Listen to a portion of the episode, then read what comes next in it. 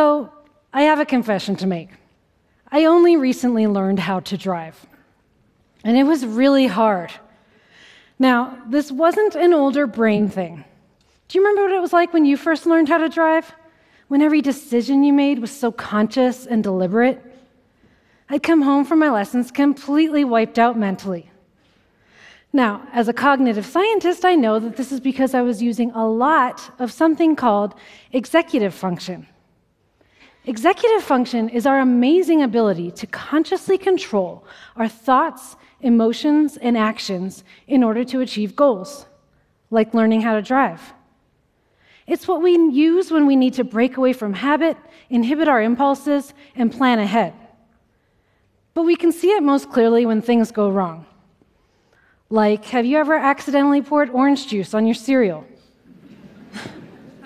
Or ever start scrolling on Facebook and suddenly realize you've missed a meeting? Or maybe this one's more familiar. Ever plan to stop at the store on the way home from work and then drive all the way home instead on autopilot? These things happen to everyone. And we usually call it absent mindedness, but what's really happening is we're experiencing a lapse in executive function. So we use executive function every day in all aspects of our lives. And over the past 30 years, researchers have found that it predicts all kinds of good things in childhood and beyond, like social skills, academic achievement, mental and physical health, making money, saving money, and even staying out of jail. Sounds great, doesn't it? So it's no surprise that researchers like me are so interested in understanding it and figuring out ways to improve it. But lately, executive function has become a huge self improvement buzzword. People think you can improve it through brain training iPhone apps and computer games, or by practicing it in a specific way, like playing chess. And researchers are trying to train it in the lab in the hopes of improving it and other things related to it, like intelligence.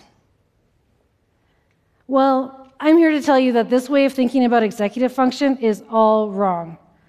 Brain training won't improve executive function in a broad sense because it involves exercising it in a narrow way, outside of the real world context in which we actually use it. So you can master that executive function app on your phone, but that's not going to help you stop pouring OJ on your Cheerios twice a week. if you really want to improve your executive function in a way that matters for your life, you have to understand how it's influenced by context. Let me show you what I mean. There's a great test that we use in the lab to measure executive function in young children called the dimensional change card sort. In this task, kids have to sort cards in one way, like by shape, over and over until they build up a habit. And then they're asked to switch and sort the same cards in another way, like by color.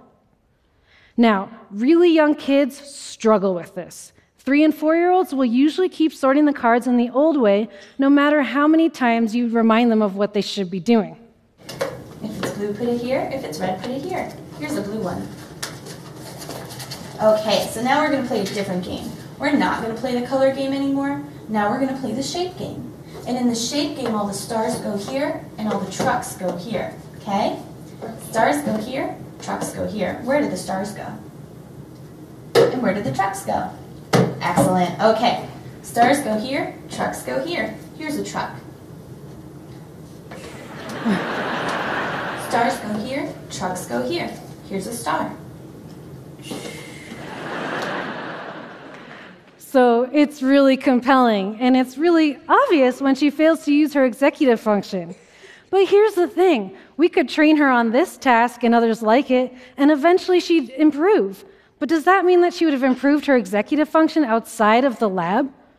No, because in the real world, she'll need to use executive function to do a lot more than switching between shape and color. She'll need to switch from adding to multiplying, or from playing to tidying up, or from thinking about her own feelings to thinking about her friend. And success in real world situations depends on things like how motivated you are and what your peers are doing. And it also depends on the strategies that you execute when you're using executive function in a particular situation. So, what I'm saying is that context really matters. Now, let me give you an example from my research. I recently brought in a bunch of kids to do the classic marshmallow test, which is a measure of delay of gratification that also likely requires a lot of executive function. So, you may have heard about this test, but basically, kids are given a choice.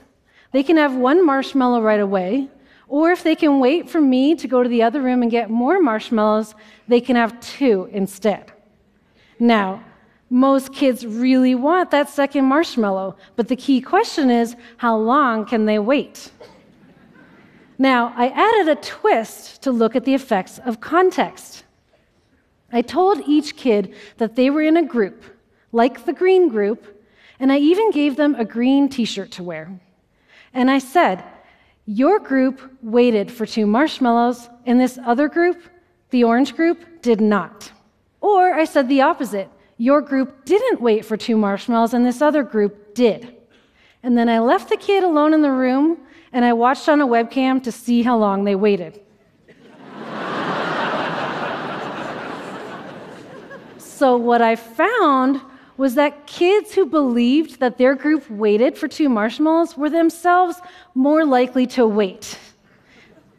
So they were influenced by a peer group that they'd never even met. Pretty cool, isn't it? Well, so with this result, I still didn't know if they were just copying their group or if it was something deeper than that. So I brought in some more kids. And after the marshmallow test, I, brought, I showed them pictures of pairs of kids. And I told them one of these kids likes to have things right away, like cookies and stickers. And the other kid likes to wait so that they can have more of these things. And then I asked them, which one of these two kids do you like more, and who would you want to play with? And what I found was that kids who believed that their group waited tended to prefer other kids who liked to wait for things.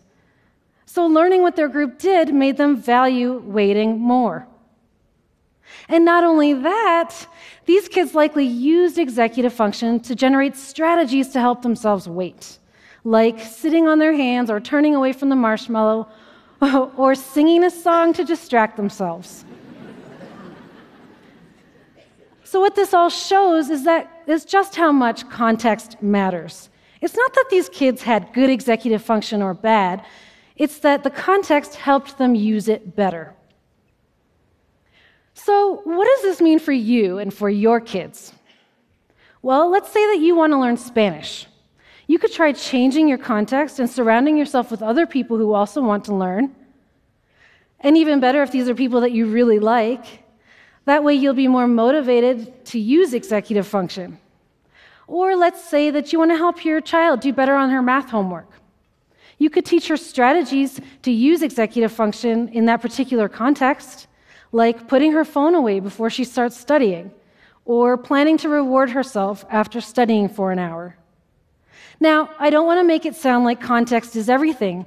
Executive function is really complex and it's shaped by numerous factors.